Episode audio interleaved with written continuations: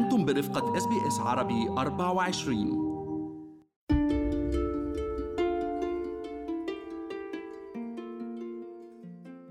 أنا كنت مختلف عن بقية جيلي.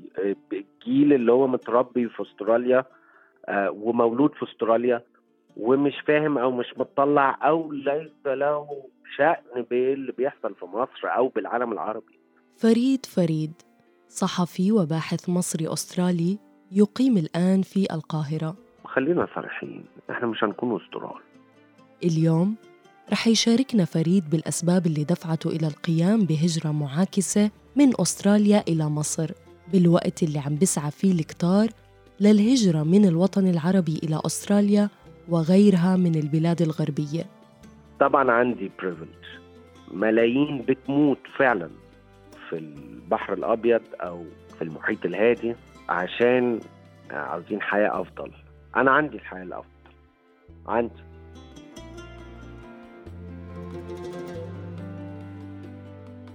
قررت عائلة فريد الهجرة من مصر في التسعينات بحثاً عن فرص عمل ومستقبل أفضل إلهم ولأطفالهم وكانت وجهتهم أمريكا اللي بيسموها الكتار بأرض الموعد. ولكن والده قرر تغيير مخطط الرحلة من دون سابق إنذار. واحد صاحبه قال له تعالى نقدم على نيوزيلندا. ما جاتلوش وجات لنا.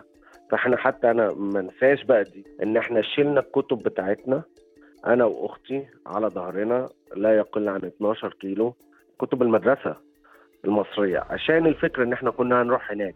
ثلاث أشهر تجربة لاندنج ونجرب ونشوف. والله تأقلمنا كان بها. ما تأقلمناش نلم عزلنا ونرجع تاني بلدنا. طب وليه واخد معايا كتب مصريه لا إحنا رايحين عشان تذاكر وانت هناك عشان ما يضيعش عليك السنة يعني. وصلت العائلة إلى نيوزيلندا في يناير كانون الثاني من عام 1996 سنة جديدة وبلد جديد وحياة جديدة.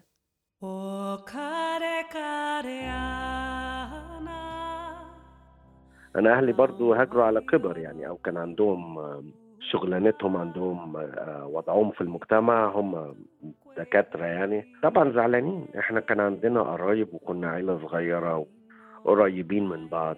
آه بنعرف نتكلم إنجليزي بس الإنجليزي اللي هو على قدنا بتاع مصر. مهما كنا في مدارس كويسة كنا إحنا مش فاهمين اللهجة. هي المشكلة ما كانتش في اللغة المشكلة كانت في اللهجة بس برضه في مصطلحات ما كنتش فاهم يعني. أنا مرة قالوا لنا هنعمل sports day وكل المدرسة هتروح لملعب بره المدرسة. أنا الوحيد اللي رحت بال uniform العادي. كانت كلمة جيا اللي هو gear يعني اللي هو العدة. أنا ما فهمتهاش فكله جه ما عدا أنا الوحيد اللي في المدرسة اللي كنت رايح. فدي المواقف دي ما تنسيهاش استطاع فريد أن يجد لنفسه مكان في مجتمع المدرسة لأنه كان طبعه اجتماعي وبحب المزاح وتكوين الكثير من الصداقات. فما منعته اللهجة النيوزيلندية الثقيلة من فتح قناة للتواصل والتعارف. فأنا فاكر إن أول مرة قلت اتكلمت الجمله على بعضها باللهجة النيوزيلندية. كنت في المكتبة مع زملائي في الفصل لكن أنا ما أعرفهمش. بس لما قلت الجملة اتفهمت ويتهيألي أنا عشان أنا طول الوقت بحب أهرج وهكذا تهيالي قلت نكتة في نفس الوقت فلما ده خلاص ده كان أحسن إحساس بالنسبة لي إن هو خلاص أنا كده اندمجت.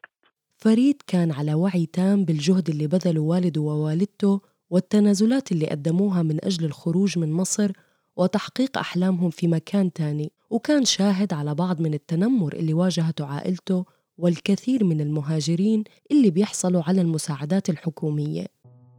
أه بكره نوع من ال- العنصرية أو التنمر على الناس اللي بتاخد إعانة من الدولة. إحنا كنا أنا ب- بكل فخر نقدر نقولها خدنا إعانة من الدولة.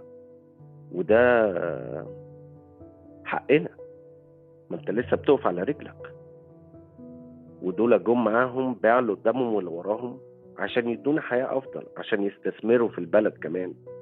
آه، وشفتهم بيكافحوا أكتر وقت إن هم بيذاكروا نفسهم. ناس في, في, في ربيع عمرهم وبيذاكروا وبيكافحوا وبيقفلوا الباب على على نفسهم عشان يذاكروا امتحانات معادلات علشان الشهادات بتاعتهم اللي هي من جامعة مرموقة في مصر جامعة عين شمس للطب آه، مش معترف بيها دوليا.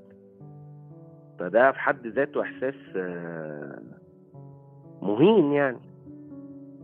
الاثنين يتهيألي كانوا عاوزين يوصلوا لنفس المرتبة أو الوضع أو المكانة اللي وصلوا لها في مصر يعني. فغير إن هم كافحوا في مصر وإن هم اتهجروا أو أو اتشتتوا من من بلدهم عشان ما خدوش فرصة هناك لعدة أسباب. السبب الأساسي إن مصر بلد فيها المحسوبية والفساد وهكذا فما خدوش فرصتهم. ناس كان عندها مهارات وممكن تخدم البلد بحق لكن يتهيألي شافوا الجشع اللي قدامهم آه، قال لك هيثبتوا وضعهم في في بلد تانية. فلما راحوا نيوزيلندا ولما راحوا أستراليا نجحوا وده يعني خسارة مصر لكن ربح البلاد دي يعني. ارتباط فريد وعائلته باللغة العربية وبمصر وثقافتها لم يبهت للحظة. وعلى الرغم من بعد المسافة بين القاهرة ونيوزيلندا إلا أنه فريد وعائلته وفي وقت قصير قدروا يلاقوا مجتمع مصري من حولهم. ومثل ما بيقول المثل اجتماع السواعد يبني الوطن واجتماع القلوب يخفف المحن. القاهرة بحياتها الاجتماعية نقلناها لنيوزيلندا. ويتهيألي ده كان سبب كبير ان إن أمي في الأول كان عندها يعني أو كلنا كلنا كعيلة كان عندنا مشاكل نفسية. إحنا مش عارفين نتأقلم. البلد بتقفل الساعة 5 بالليل. في إيه يا جماعة؟ فما فيش حياة اجتماعية ما فيش قرايب ما فيش كذا والأصحاب مقتصرين بس على الأصحاب بالمجتمع الكنسي لما أتم فريد ال 18 سنة بدأت العائلة تشعر إن نيوزيلندا ضاقت عليهم وعلى طموحاتهم وبمحض الصدفة الحظ أو شاء القدر أن تقرر العائلة الهجرة إلى أرض الفرص أستراليا فكان الصيف ده كل أسبوع اتنين تلاتة من أصحابي يهاجروا فلما جه قرار إن إحنا نهاجر بالتالي أنا كنت كنت جاهز اللي هو خلاص آه. طبعا في الأول آه، ما كنتش أعرف حد وهكذا لكن عادي بس خلاص بقى عندك الخلفية إن أنت بتعرف تتكلمي إنجليزي إن أنت نيوزيلندا زي استراليا يعني بشكل ما أو آخر. استقرت العائلة في ولاية كوينزلاند والتحق فريد بالجامعة هناك وأنهى بكالوريوس في العلوم السياسية واللغة الفرنسية. وبعدها شعر فريد مجددا أن مدينة بريسبن ضاقت عليه ولم يجد فيها الفرص التي سيحقق فيها ذاته وطموحه. اتجهت لسيدني علشان فرص عمل يعني وفرص أطور من نفسي وبرضه عشان استقلالي الذاتي يعني عشان أنطلق بقى كنت في بداية العشرينات. الكفاح والاستقلالية كان عنوان رحلة فريد إلى سيدني. أكتر حاجة درست جامعات آه، كتابة أنا كاتب أصلا يعني ترجمة آه، اشتغلت سكيورتي جارد اشتغلت كله يعني. أنا كنت طالب هناك وكان عندي منحة آه، أعمل دراسات عليا هناك في جامعة غرب سيدني. وبس بعد كده كملت بقى اتجهت إلى الصحافة كنت بكتب مقالات رأي.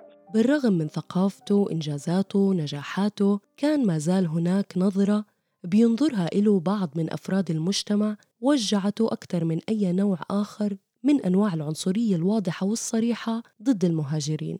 اللي هو يحسسك من تحت لتحت إن أنت أقل منه أو يقول لك كومنت آه، ده أنت الإنجليزي بتاعك كويس. ده انت أنا ما كنتش متوقع ان اقلبك للدرجه دي. كان هو الستاندرد يعني. أنا ده بيوجعني أكتر من ان مثلا واحد يقول كلام عنصري آه، بشكل واضح يعني. فريد كان يشعر دائما إنه مختلف عن باقي أبناء جيله في أستراليا. مثل الثغرة اللي ممكن أن يشعر بوجودها بعض المهاجرين الجدد ما بينهم وبين المهاجرين القدامى وأبنائهم اللي ولدوا في أستراليا. January the 25th, 2011, the Arab Spring spreads to Egypt. أنا كنت مختلف عن بقية جيلي. الجيل اللي هو متربي في أستراليا ومولود في أستراليا ومش فاهم أو مش مطلع أو ليس له شأن باللي بيحصل في مصر أو بالعالم العربي. ومع انفجار ثورة يناير في مصر شعر فريد بحرقة شديدة بأنه موجود في أستراليا ولم يتمكن من أن يكون هناك ليكون جزءا منها.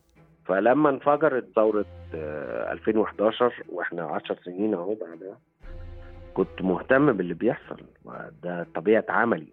ارتباط فريد بمصر وانتماؤه لها لم يزول مع مرور السنوات والفضل يعود لوالده ووالدته اللي واظبوا على تقوية الرباط بين أطفالهم وجذورهم الثقافية ولكن لم يعرفوا أبدا أنه نتيجة هذا الشيء رح يكون قرار فريد أنه يتركهم ويترك أستراليا ويعود للعيش في مصر. دي أكبر غلطة أو أكبر ريجريت عندي في حياتي حتى الآن. عشان ده كان أهم يوم أو أهم فترة أهم أهم سنة من 2011 إلى 2013 مثلا. كانوا أهم سنتين ان إن الواحد يكون هناك وإن هو يحس بمصريته. وبرضه إن هو يكون هناك في وسط الأحداث في العالم العربي بشكل عام مش بس مصر يعني. فإتهيألي دي اللي أثرت فيا جامد اللي هو طب أنا ليه في أستراليا؟ أستراليا بعيدة طبعا جغرافيا عن وطننا العربي. وفعلا من كتر ما أنا قعدت أفكر في الموضوع ده رجعت. رجعت للعالم العربي يعني وحاسس طبعا بارتياحنا إن هي طبعا مش خطوة سهلة ومش خطوة logical يعني. إحنا كنا عايزين نرجع عشان نساهم في بناء بلد جديدة. بشكل ما بقى بكل مهاراتك مهندس دكتور صحفي فنان وات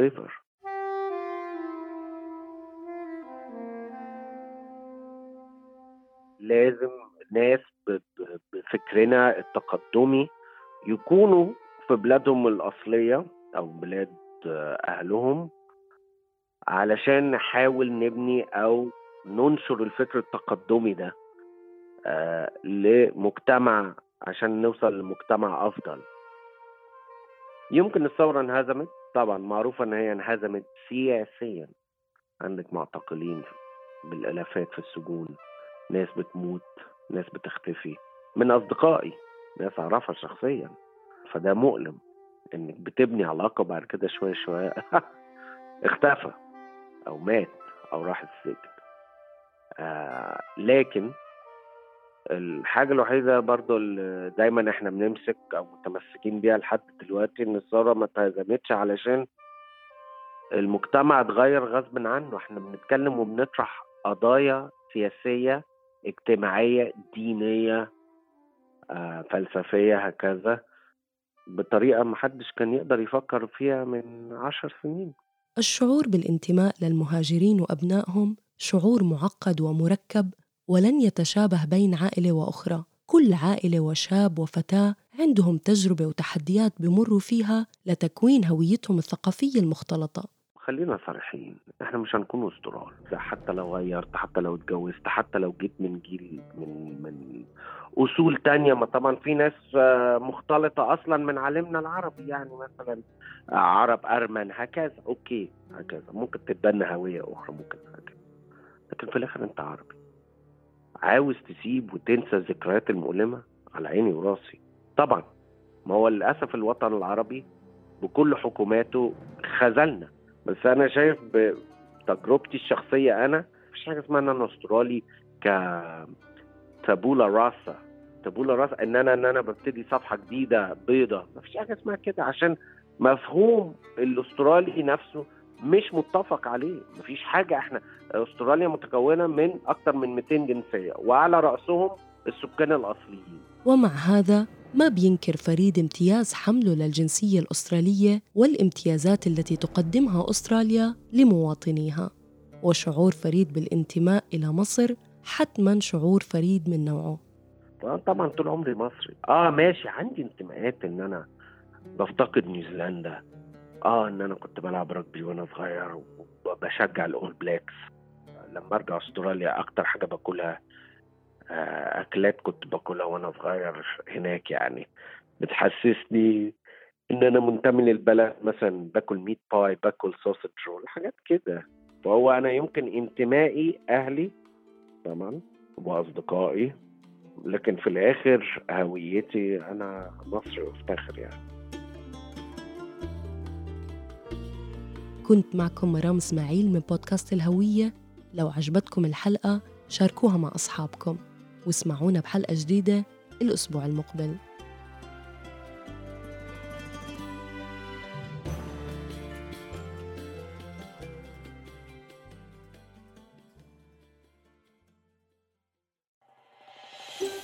هل تريدون الاستماع إلى المزيد من هذه القصص؟